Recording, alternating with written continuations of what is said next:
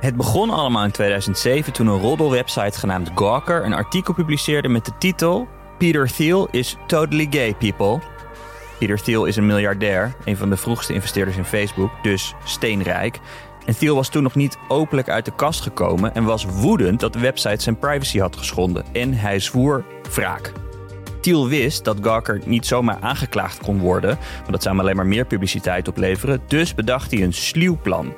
Hij huurde een jonge advocaat in om op zoek te gaan naar andere slachtoffers van de website en beloofde hen te financieren met zijn eigen geld, terwijl hij zijn eigen betrokkenheid geheim hield. En een beroemde Amerikaan, wiens privacy door Gawker ook was geschonden, was Hulk Hogan. In 2021 had de website een fragment van een sekstape gepubliceerd, waar de beroemde worstelaar te zien was met de vrouw van zijn beste vriend, iemand die Baba the Love Sponge heet. En Hogan klaagde Gawker aan voor de schending van zijn privacy en eiste 100 miljoen dollar schadevergoeding. Die rechtszaak duurde vier jaar en werd een gigantisch mediaspectakel. En de jury vond inderdaad dat Gawker te ver was gegaan en kende Hogan 140 miljoen dollar toe. Dat was veel en veel meer dan de site kon betalen. En daarom gingen ze failliet en moesten ze hun website sluiten. Thiel had zijn wraak gekregen. We gaan het vandaag hebben over dingen die abrupt eindigen. Ik ben Alexander Klupping. Welkom bij Goed Verhaal.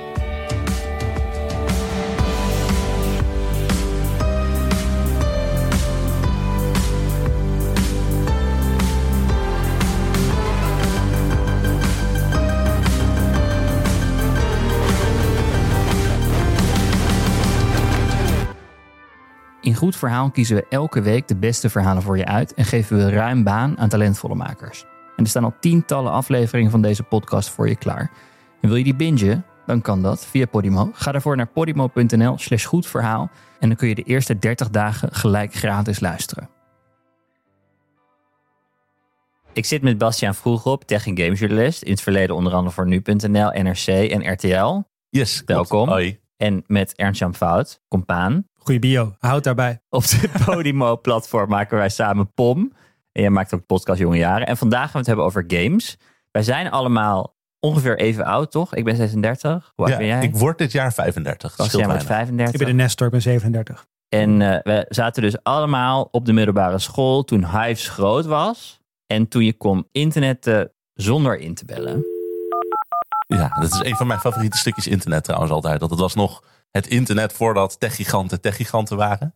Dus dan niet op het punt dat het alles gewoon van Facebook en van Microsoft en van Apple was. Maar iedereen die deed maar een beetje wat. Ze probeerden maar een beetje. Ik runde gewoon een imperium hoor. Ja, is dat zo? Ja, ik had drie websites. Was je wel 10% van het Nederlandse internet in die tijd. Dus Kun je vertellen welke drie websites jij runde, Ernst? Heb jij humor.nl, cdreview.nl? Niet zo snel. Heb jij humor.nl? Dat is een humor site. Wat is een humor site? Gewoon gekke, gekke gifjes, gekke video's. Alleen dit al voelt als internet. home video's, gewoon dat. Alleen dit al voelt als internetarcheologie. Dit is een site met humor. Ja, ik had eh, Homer Simpson als logo.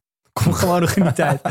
En de tweede site, Ernst, wat was dat? cdreview.nl. Dan Mhm. deelde ik illegale cd's in de klas uit. En mocht je gratis hebben op de voorwaarde dat je een recensie erover schreef. En de derde, die is niet meer echt van deze tijd. Mhm. Oké, daar wil je niet veel over zeggen. Nee, dat is op- nou, objectificeren van eh, een bepaald gender te Oké, maken. ik zal daar verder niet naar vragen. Oké, Lief hoe je dit laat liggen. Lekker door. had je ook sites, Bas?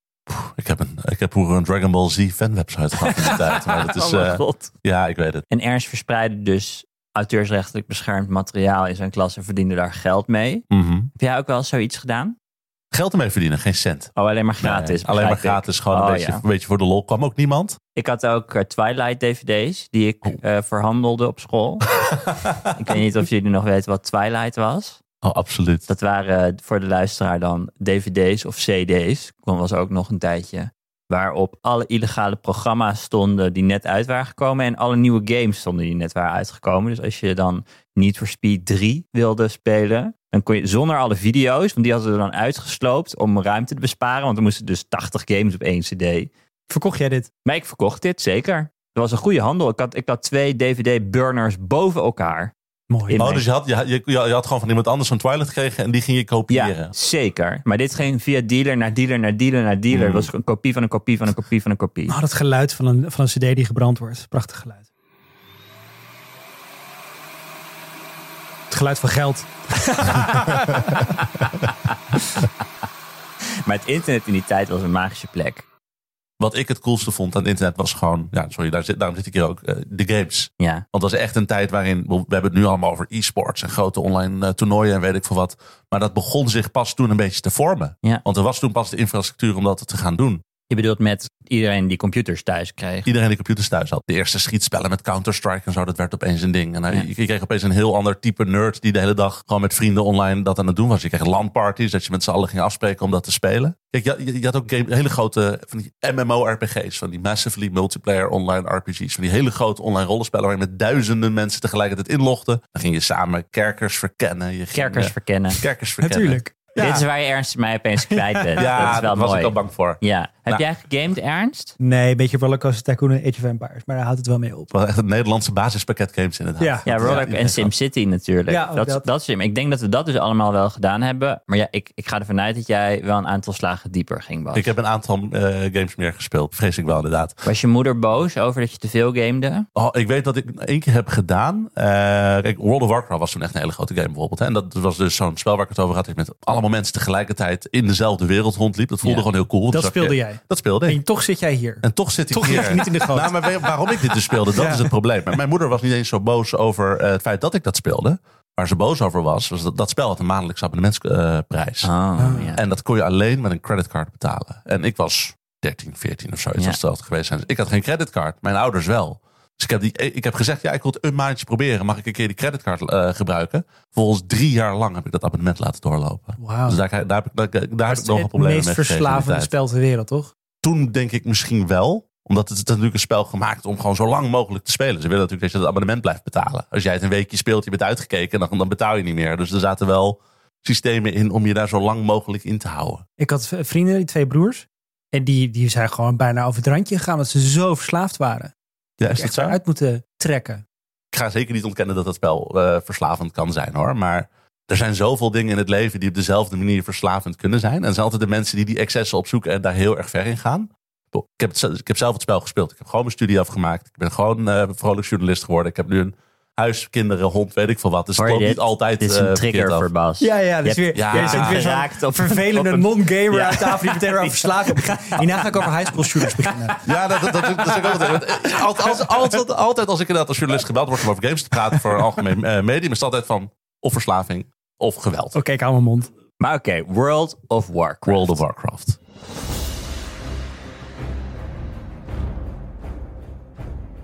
Was, het was wel echt een gigahit. Het was in, in een tijd dat games nog niet eens zo groot zijn als ze nu waren. En toen al in een jaar tijd miljoenen spelers die allemaal 13 euro per maand betaalden om dat maar te blijven spelen. Te blijven 13 spelen. euro per maand. 13 euro per maand. Dus nou, zo'n 150 in het jaar als jij dat spel wilde blijven spelen. En dan moest je de game nog kopen.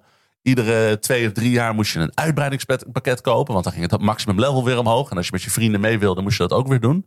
Het was echt een goudmijn voor eh, de makers. En schets eens, hoe groot was dit spel? Het is, nou, als je met andere games van nu zou vergelijken, is het echt de Fortnite van toen. Oh ja, Het is echt gewoon de grootste game die iedereen speelde. Er was, eh, was geen even knie aan. de Hollywood De blockbuster. Hollywood blockbuster. Het was ook het spel waar iedereen achteraan zat. Want dat is nog meer bij games het geval dan bij andere media. Dat als jij een succesvolle game hebt, dan gaat iedereen jou proberen na te maken. Hmm. En in Nederland gebeurde dat dus ook. Er was een clubje dat dat heette Keon. Dat was een game developer gemaakt uit eigenlijk gewoon een groep nerds. Die speelden met z'n allen graag Dungeons and Dragons. Oké. Ik weet niet of jullie dat ooit gespeeld of Ik, gezien we hadden van mensen op de middelbare school die een tafel hadden die dit... Die Ja. eruit zagen alsof ze dit deden. S'avonds Dungeons Dragons, overdag Magic the Gathering. Magic kaarten, ja. die, die dachten van, nou weet je, we hebben deze hele fantasiewereld met, met elkaar gebrainstormd. eh, door dit met z'n allen aan tafel te spelen. Dit kunnen we ook gewoon in een game stoppen. Kunnen we gewoon geld mee verdienen. Kunnen we onze, eh, onze hobby, kunnen we ons werk gaan maken. Dus zij dachten, we gaan een game maken. Dat eh, moest dan The Chronicles of Spellborn heten.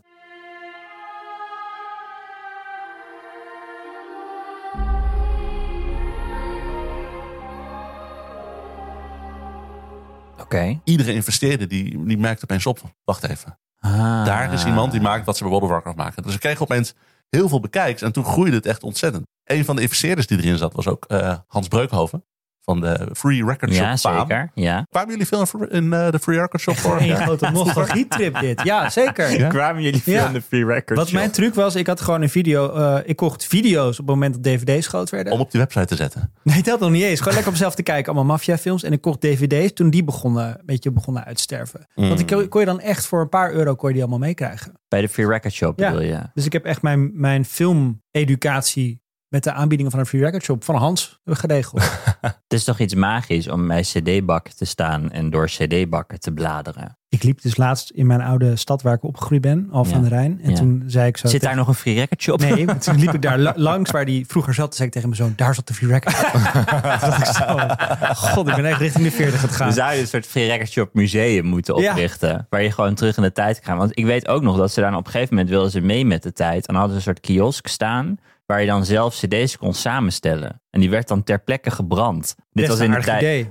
Ja, maar toch. Iedereen, wel was, iedereen zat aan de Napster inmiddels al. Ja. Dat is denk ik ook uiteindelijk de ondergang geweest, toch? Een Free Record Shop. Ja, en Spotify. En dat is gewoon... Nou, dat is wel echt daarna. Dat is, Is dat ver daarna ja. Ik denk iTunes misschien een beetje in het begin. Maar het, vooral Napster. Mensen gingen gewoon met z'n allen downloaden in plaats van naar Ah, het heeft wel lang Shop. bestaan hoor. Ik weet ook nog bij ons eh, in het dorp. Sorry, ik kom uit de provincie. Ja, Welk dorp? het. Ik noem het ook de provincie. Terwijl als je in de, in de provincie woont, vind je het heel vervelend als mensen zeggen dat je in de Ja, waarom provincie doe je woont. het dan? Omdat je hier Ja, opeens in ook Amsterdam bent. Ja, ik weet Ja. niet. Ik heb het gevoel dat ik mee moet doen of Hm. zoiets. Maar welk dorp? In Drachten? Oh ja, toch een heel bekend dorp. Ja. Anyway. Maar die hebben daar dus ook zo'n boekenvoordeel staan. Met een hoekje. Dat heet nog letterlijk de Free Record Shop. Dus het bestaat nog gewoon in de vorm. Daar kan je nog steeds door je cd'tjes heen. Serieus? Jazeker. Dus het merk is gewoon door iemand opgekocht. Misschien is het gewoon uit Amsterdam vertrokken. Is nu bij ons in Friesland is het een beetje Zullen geland. we op bedevaartstocht gaan naar Jullie, zijn welkom. Ik, heb, Ja. wel- ik heb een logeerkamer. Hartstikke gezellig. Gaan we met z'n allen. Anyway. Hans Breukenhoven zag natuurlijk ook al die World of Warcraft. eh, in het begin moest je een creditcard hebben. Later kon je van die tijdkaartjes kopen. Die gingen als eh, zoete broodjes over de toonbank bij die Free Record Shops. En dacht ook van ja, Ja, en dat is natuurlijk hoe gamers zoals jij, die geen ouders hadden met een creditcard. Hans Breukover en de Free Record Shop brachten daar de oplossing voor, namelijk kaarten kopen. Dat is nog steeds zo. Dat is nog steeds zo, ja. Ja. hij zag dat natuurlijk gebeuren. En hij denkt ook van ja, dat ga ik ook doen. Mhm. Hij maakt ook die hitzone cd's onder het mom van ik maak lekker zelf cd'tjes zodat ik er meer in kan verdienen. Als een soort van huismerk van Albert Heijn die zijn eigen pinda's gaat maken, dacht hij, ik ga ook mijn eigen games maken. Het grappige, als jij in een Free Record Shop hebt gelopen in die tijd. Jullie hadden niks met games, maar waarschijnlijk heb je wel die gigantische beetje bruin-groene reclameborden gezien van de Chronicles of Spellborn. Hmm. Terwijl het, het zag eruit alsof, alsof dat zeg maar de grote eh, Ja, Marvel-film van dat ja, moment ja. was. Het slim van hem. eigenlijk nog een beetje een obscure kleine game was in die Huh? tijd. Maar ik dacht van ja, ik maak het gewoon zelf groot. Ja, Ik heb de winkels waar het leeft. Ik heb geïnvesteerd in die game. Ik zorg ervoor dat dat gewoon lekker gaat. Leuke daaraan was ook dat hij had natuurlijk al alle contacten in de muziekwereld. Dus hij had ook gewoon de ruimte om een titelsong te laten maken. ja.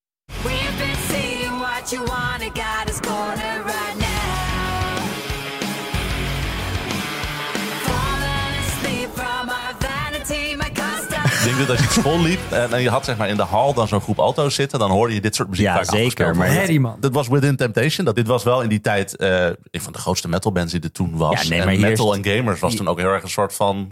Dat, dat hoorde een beetje bij elkaar. Nou, en er staat toch enorme ambitie van uit. Ja, het is takkenherrie, maar het is wel Leuk contrair ben takkenherrie met heel veel ambitie. Ja, helemaal uit Gouda. Dit was echt die, waar die alto's op de middelbare school Magic the Gathering zaten spelen. Die luister, als je dan hun... Hadden ze Walkmans? Discmans, Discmans waarschijnlijk. waren er wel, ja. Dit was wat er uit hun Discmans kwam. Ja, absoluut. Dit was een van hun claims to fame met die game. Ik heb een stukje uit de intro meegenomen van de game. Moet je even luisteren. You. You will follow in their footsteps. You. And many more. Herkennen jullie die stem? Nee. Dat was Anna Drijver. Nog voordat ze een groot beroemd actrice Die was. was toen 12 of zo. Ik bedoel, ze, zeggen, ze had ook een God of War en zo stemmen gedaan. Maar dit was wel voor haar een soort van hele vroege game om in te zitten. Maar het geluk van hun was dat een van de medewerkers die daar werkte, dat was eh L-Drijver. Die, die begon als tester. En dat was, dat was haar eh, broertje. Ja, want mijn eh, zus heeft uiteindelijk de voice-over van de, de intro gedaan. Ik, eh, nou, ik, zij deed videogames. eh, en eh, dus ik had zoiets gezegd van... Hé, eh, we moeten voor de intro nog wel een voice-over hebben, toch? Eh, en voor de in, eh, dus eh, dat zou mijn zus wel kunnen doen. El had trouwens in die tijd echt een soort van droombaan. Want hij was dus een van die World of Warcraft gamers. Duizend keer fanatieker dan ik in die tijd ben geweest. Want die deed van die grote 40 mans raids heette dat dan. Dat je met 40 gamers tegelijkertijd één baas moest verslaan. En dat was een soort van, bijna alsof je een soort van bedrijf aan het managen was. Dus je had ook één leider. Je had dan een soort van cheffen. Ja, die moesten dan ja. individueel groepjes aansturen. Dat was een soort van organisatorische helm werken te krijgen. Ook in een tijd dat je internet dan vervolgens offline ging. En dan zat iedereen tot drie uur s'nachts te wachten. Tot iedereen eindelijk een keer klaar was om het te doen. Ja, ja. Die zat daar super diep in World of Warcraft. En die kreeg dus als baan in 2006, zijn eerste baantje na zijn studie, eh, mocht hij een andere MMO gaan testen fulltime. Die game was nog vroeg in ontwikkeling. En de grap is, wel, iedereen zat natuurlijk aan de World of Warcraft kant te trekken. Maar de makers zelf wilden eigenlijk helemaal niet op World of Warcraft gaan lijken. Het moest meer... Kijk, Warcraft was echt een gamers game. Dat ging eigenlijk alleen maar over het van... Ik maak een gastje dood, ik krijg een nieuw zwaard, ik word sterker, ik word sterker, ik word sterker. Ik wil gewoon die statistiekjes omhoog doen. Ja. En de mensen van Spelborn wilden eigenlijk een soort van rollenspel ervan maken. Waar je helemaal opgaat in wie je zeg maar in die game dan uiteindelijk bent. Hoe is dat anders dan? Wat, wat... Nou, dat is... eh oh, dat kan Vincent trouwens wel beantwoorden.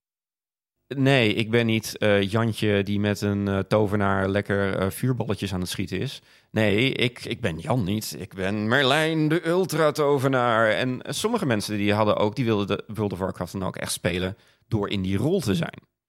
Dit was Vincent Leeuw. Die kwam bij het bedrijf om nog even heel snel wat af te maken. Omdat ze toen dachten dat de game bijna af was. Zijn eigenlijk heel lang blijven plakken. Dit waren eigenlijk een beetje dezelfde mensen als je met de LARPers had in het bos. Die dan echt gewoon zichzelf een elf wanen voor een weekend. En die De wilden graag doelgroep van die game bedoel je? Ja, dat, dat, die wilden ze eigenlijk gewoon benaderen. Dus niet de mensen die alleen maar bezig waren met van... hoe speel ik dit goed en hoe zorg ik dat ik de meeste kills krijg. Maar dat ze zich echt konden inleven in een rol van... Ik, als ik deze game speel, dan ben ik een Ja, tovenaar. ja. Of een, of Lekker een- bouwen in je alter ego. Ja, precies. Kijk, zij wilden dat. Maar die investeerders zagen natuurlijk alleen maar World of Warcraft de hele tijd. Het waren ook allemaal... Breukhoven was geloof ik niet de meest fanatieke gamer. Die zat daar niet met het idee Ja, van... Oh, ja. dit is Die dacht meest- gewoon, het lijkt op elkaar, maar ik wil die blockbuster zoals waar, waar iedereen het over heeft. Die Hollywood blockbuster wil ik hebben. Ja, El die zat er dus altijd. Dat was zijn eerste baantje na zijn studie. Die zat in de weekenden zat hij die game fulltime te testen. En dan kwam er altijd ook een, bijvoorbeeld een hele grote investeerder kwam daar over de vloer. En iedere keer als hij kwam, ging het maar over één ding. Op zondag kwam een van de hoofdinvesteerders eh, eh, vaak in dat gebouw. eh, hij was al in dat gebouw. Dan kwam hij vaak langs om even te kijken. op de studiovloer er waren er maar een paar mensen. Meestal iemand van de, de hoofdprogrammeur was er meestal ook. En eh, ja, goed, ik leerde hem zo op die manier ook kennen. En dan kwam hij zo naast me zitten als ik aan het eh, spelen, dan wel testen was. En dan zei hij zo van: eh, Wordt een wowkiller, hè? Dat was altijd een beetje zijn openingszin. No pressure. Ja, nee, precies. En het is ook een game. Is hetzelfde soort game, maar het is een Nederlands projectje ten opzichte van de grootste productie van de hele wereld. Maar de ambitie was wel van, nou, jullie moeten World of Warcraft wel even op zijn minst proberen te evenaren. Als het een beetje kan, misschien er nog overheen. Maar begrepen die investeerders dan niet dat je daar gewoon een veel grotere club developers voor nodig hebt? Ik denk dat gewoon het idee hing van, nou, we maken een game. En een game is een game. We maken gewoon iets wat gewoon goed genoeg is. Zal het vast wel even goed verkopen. Misschien hoopt ze nog een soort van gunfactor, omdat het in Nederland ook was, dat ze in Nederland echt heel groot konden worden. Maar je merkt wel op heel veel punten in het verhaal dat ze niet helemaal begrepen wat nou een game groot kan maken en hoe je daar überhaupt mee kan groeien. Hmm. Beetje zo opportunistisch als Ja. die dvd's branden. Waar zij opportunistisch met eh gewoon... Ja, ze dachten dat zijn maar spellen. Maar dat is ook een beetje het tijdperk. Ik bedoel, games werden toen minder serieus genomen dan ze nu worden. Het begon wel een beetje te groeien ten opzichte van de jaren tachtig. Toen was het echt een kinderdingetje. Maar het was nog wel een beetje van, nou, spelletjes. Ik denk dat ze een beetje met het idee zaten van, we maken een soort van hele luxe versie van Monopoly. In plaats van dat we een hele Ja, ja. complexe eh, productie in elkaar zetten. Dus dat maakt het wel lastig. En dan moet je weten, toen Vincent en El erbij kwamen, was de originele bedenker van de game World ook al opgestapt. Eigenlijk gewoon, dat was een Steven Spielberg productie zonder Steven Spielberg. Dus het ging al een beetje gek. Ontstond er nog meer chaos eh, door die investeerders die er hele hoge verwachtingen mee hadden. Mensen gingen de ziektewet in. eh, de grote manager van de game die kwam uiteindelijk ook thuis te zitten. En toen kwam er een nieuwe manager bij. Daar hoor ik echt iedereen over als ik over deze game praat. Het schijnt nogal een verschijning te zijn geweest. Eh, nou, zowel letterlijk als figuurlijk. Dus eh, zoals een eh, eh, klein, klein van stuk vrouwtje. Maar dan met een gigantische blonde afro-dos. Met gekleurde linten erin. Dus het was een, ja, letterlijk een verschijning. En dan liep ze in een legerbroek en kisten sjeesde ze over de werkvloer. Dit is ook een persoon als je naar de game googelt. En, en oude, hele oude tweakers, nieuwsberichten in de reacties. gaan- Er is eigenlijk altijd wel iemand die daar gewerkt heeft, anoniem, boos op Anne Holvoet. Die dan in de reacties zegt dat zij het allemaal verpest heeft en verkeerd heeft gedaan. En ik was er zelf niet bij. Ik weet niet hoe het exact natuurlijk gegaan is. Maar Het is wel opvallend. en Vincent die eh, had ook hele rare ervaringen met. Ik, weet niet meer, op een of andere manier had eh Anne zoiets van... Dit is, dit- ja, maar dit, dit, dit slaat nergens op. Het, het moet leuker worden of zo, het moet vrolijker zijn. En toen begon ze uit een soort balorigheid... begon ze dus met peper- en zoutvaatjes te gooien. Dat iedereen ook echt een beetje zat te kijken van... What the fuck gebeurt hier? Leuk creatieve geest. Ja, zo, zo kun je het ook zien. Het de creatieve industrie ook. Je maakt eh, mooie spelletjes. Nee, kijk, het is, het is een beetje gekkigheid. En dit aan zich is misschien niet het raarste van de wereld. Als hij een afro wil eh, en eh, al dat soort dingen moet ze lekker doen. Maar er kwam heel snel een punt waarop ze praktisch in de problemen kwamen. Ik kan me nog... Een van de dingen die me echt gigantisch goed is bijgebleven... is dat we op een gegeven moment zaten we dan tegen de release aan. Iedereen was heel druk bezig om van alles af te maken. En ze ging toen iedereen individueel af van... hey, je hebt deze, deze, deze taak nog liggen. Kan je dat afkrijgen in twee weken? En ik weet nog dat iedereen wel zoiets had van... ja, dit kan in twee weken... maar ik ben afhankelijk van die en die en die... dat die wel op tijd leveren. Maar in de perfecte omstandigheden... ja, dit zou in twee weken kunnen. In niet perfecte omstandigheden... misschien een paar maanden tot een half jaar... tot zelfs een jaar, afhankelijk van hoe dat loopt. Game development is een soort van eh, domino-effect heb je eigenlijk. Je wacht tot de een iets af heeft, dan kun jij weer verder, kun jij weer verder. Dus die twee weken, niet, het is niet alsof iedereen dat tegelijkertijd gaat doen. Dat kan inderdaad nog wel een jaar duren tot die game af is. Omdat je gewoon steeds zit te wachten tot er iemand anders in dat project ook weer zo is. Waar komt die haast vandaan opeens? Ja, ik denk dat er niet eens heel veel haast op dat punt was. Ik bedoel, dit, dit is een grote complexe game. Dat wisten investeerders ook. Maar eh Anne zat waarschijnlijk net in haar managementrol. Die dacht van, nou, ik moet een soort van Hmm. deadline stellen. Ik moet kijken wat er gebeurt. Van, nou, ik heb een lijstje afgevinkt. Nu kan ik naar de investeerders gaan om te zeggen hoe het ervoor stond. Maar als ze dat niet had gedaan, was het misschien wel heel anders uitgepakt. Hmm. Dat gebeurde dus toch. Ik zij, zij stapte naar de, de grootste geldschieter die er was. Die zat verdieping ook boven hun op het kantoor. Dat was eigenlijk gewoon een beetje door de, financiële baas van het hele project. En die zei van, nou weet je, over twee weken zijn we klaar. En bij team ontstond er toen nog meer stress. Die dachten van, jeetje, we zijn er nog lang niet. Wat moeten we nou doen? Hoe kunnen we nou zorgen dat we toch over twee weken iets hebben om uit te brengen? Er was natuurlijk wel zo'n soort plan van... eh, eh, we moeten gewoon zorgen dat, het, eh, dat de starter area in de game zit en dat die helemaal goed is. En dat je, zou ik maar zeggen, de eerste week, eerste twee weken aan content erin zit. En dan, eh zou ik maar zeggen, werken we daar als een gek vooruit. Dat, eh, terwijl de, de spelers die content aan het clearen zijn, patchen we het erin, zou ik maar zeggen. Het is een beetje alsof ze een halve film gaan uitbrengen. En dan hopen dat ze de tweede helft hebben gefilmd voordat jij door je DVD heen bent. Ja, dat, was, ja. dat was het plan dat ze uiteindelijk hadden. Ja. Klinkt solide. Maar dat, dat, dat werkte natuurlijk helemaal niet. Bij Keon, de developers, daar brak ook de paniek uit. Dus die dachten van ja, weet je, we moeten maar een brief met z'n allen gaan sturen. En Keon, eh, die stuurde dus die brief als zijnde van... Hey, het is helemaal niet in kannen en kruiken. Eh, we hebben waarschijnlijk één, meer tijd nodig. En twee, zelfs als we releasen, hebben we gewoon niet, niet alles af. Originele bedenker is weg. Gezelligheid op kantoor is verdwenen. Mensen gaan met een burn-out naar huis. Het team is het vertrouwen kwijt. En er hangt een soort van plotselinge deadline van het moet in twee weken af. De spanning was echt op een hoogtepunt. En toen kreeg de geldschieter waar we het net over hadden... kreeg die brief waar we het over hadden onder de neus. Wat denk je dat er toen gebeurde? Hmm. Eh, Neem je tijd, jongens. Stel het even uit. ja, ik neem aan dat de zweep er nog harder overheen ging. Een beetje eh, afgaande op de context die je tot nu toe gegeven hebt. Het is wel tot nu toe inderdaad een verhaal waarbij we steeds dieper de put in gaan. Ja. Dus ik snap ook dat je een cynische eh, Ja. conclusie verwacht eigenlijk. Komt er een niet cynische conclusie nu? Komt zeker geen niet cynische conclusie. Oké. ik dacht al. Dit is wat er gebeurde toen die brief onder de neus van die geldschieter kwam. Dat sloeg weirdly genoeg in als een bom.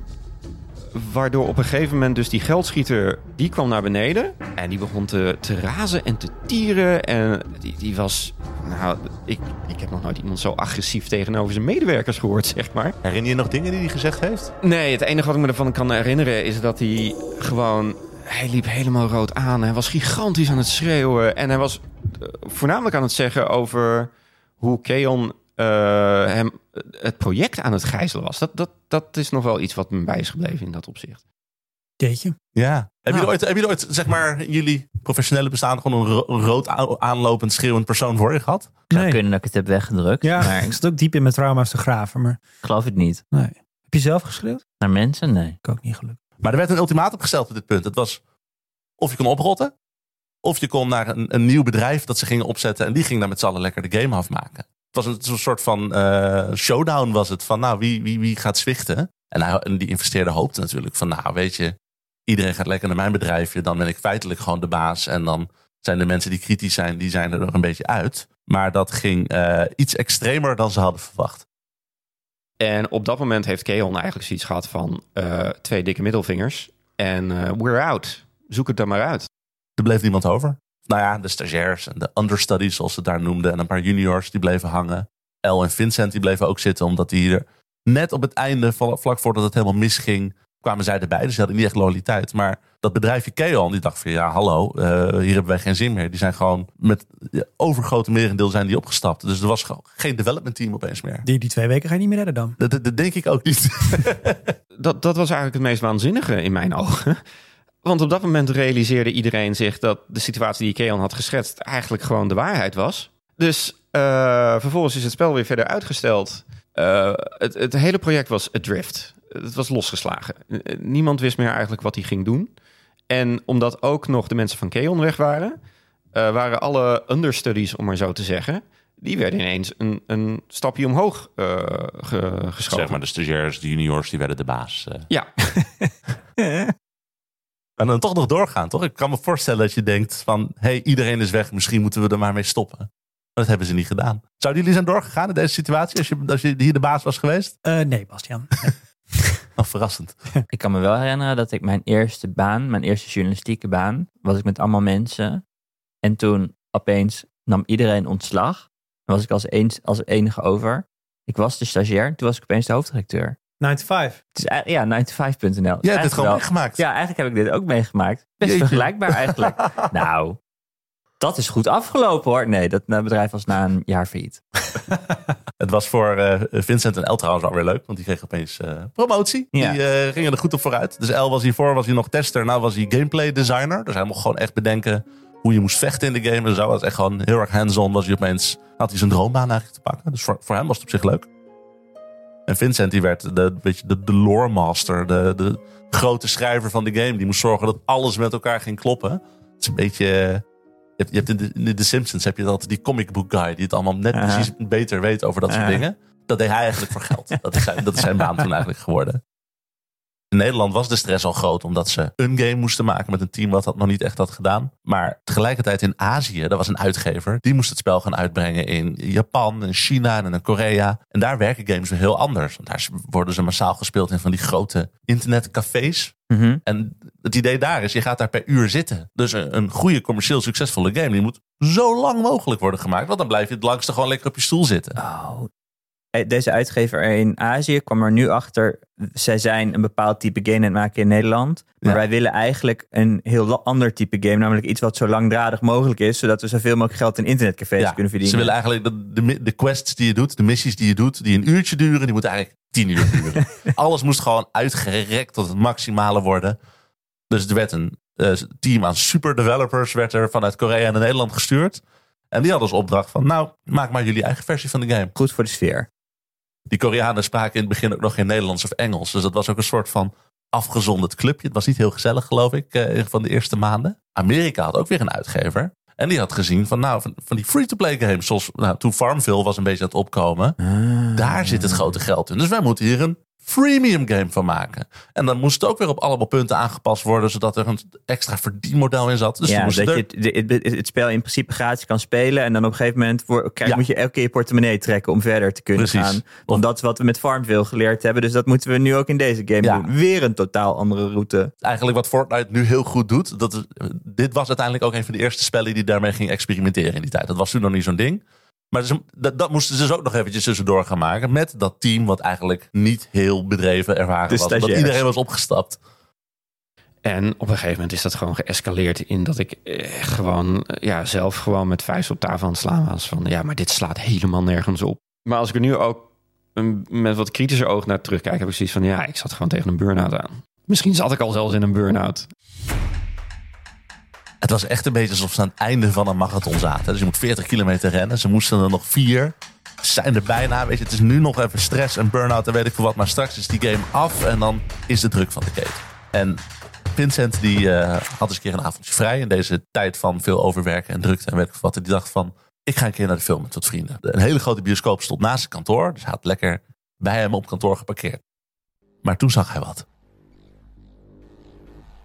Op dat moment dat we daar uitstapten en dergelijke, toen zag ik ook gewoon een grote groep aan mensen, zeg maar, waaronder een van de geldschieters, zag ik naar boven lopen. Ik kreeg zoiets van, oh, oké, wat gaan die nou weer bespreken? Nou ja, het zal wel, whatever. Vincent had dus toen eigenlijk iets gezien wat hij niet had mogen zien. Het was het einde van de kantoordag. Normaal zou er niemand op kantoor zijn. Dus al die investeerders en managers die waren allemaal naar binnen geslopen om met elkaar te praten over wat er nu moest gebeuren. Want dit was het begin van de kredietcrisis. Dan worden de meeste investeerders natuurlijk een beetje nerveus. Overal werden, werden bij de broekriemen aangetrokken en er werd over nagedacht van hoe gaan we onze investering überhaupt terugverdienen. En bij deze game was het niet anders. Er werd gekeken van ja, maar, hoe staat het er nu voor? Wat gaan we nu doen? En toen ontdekten ze dat het heel anders in elkaar stak dan ze eigenlijk hadden gewild. Kijk, als jij een film hebt, dan heb jij een investering, komt die film uit, draait in de bioscoop, verdien je dan je investering ongeveer wel weer terug. Maar dit was een game met een abonnementsdienst en er moest nog content voor gemaakt worden. Ja, dus, tijdens dat de game al uit was, moest er content bijgemaakt ja, worden. dus ze moesten nog blijven produceren en het is, die abonnementen dat ging langzaam oplopen. Dus het is, Kosten bleven hoog en de inkomsten kwamen langzaam binnendruppelen. ja, precies. En daar hadden ze eigenlijk gezien de naderende crisis, dachten ze van nou, dit is nu te riskant. Dus nou, wat, al- alles wat er gebeurd is, hè, bedoel, personeel is op straat gekomen. Er zijn Koreanen naar Nederland gevlogen om het allemaal te begeleiden. Er werden opeens drie verschillende games gemaakt. Breukhoven had een soundtrack door Within Temptation laten waren maken. heel ver. Het team was gewoon gigantisch onder druk gezet. Eh, mensen met burn-outs thuis. Al die stress. En toen hield het toch allemaal gewoon op. De geldkraan ging dicht. Het bedrijf was in één keer failliet.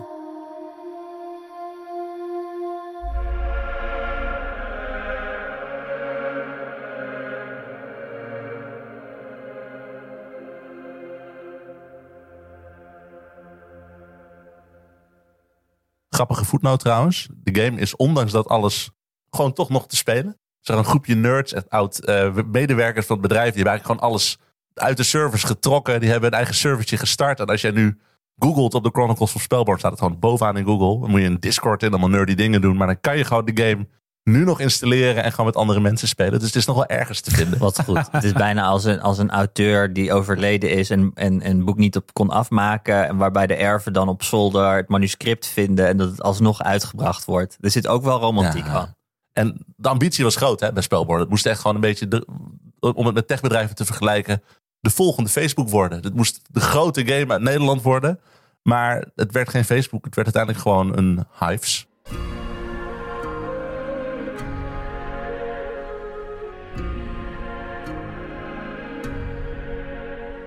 We doen het in Nederland nu wel supergoed trouwens eh, qua games. Horizon is echt een van de grootste games op aarde. Wordt hier gewoon in Amsterdam gemaakt.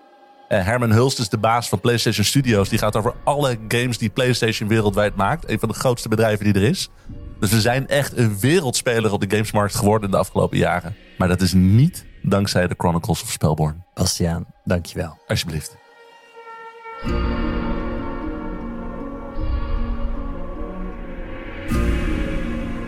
Deze aflevering van Goed Verhaal werd gemaakt door Bastiaan Vroegop. Met dank aan Vincent Leeuw en El Drijver.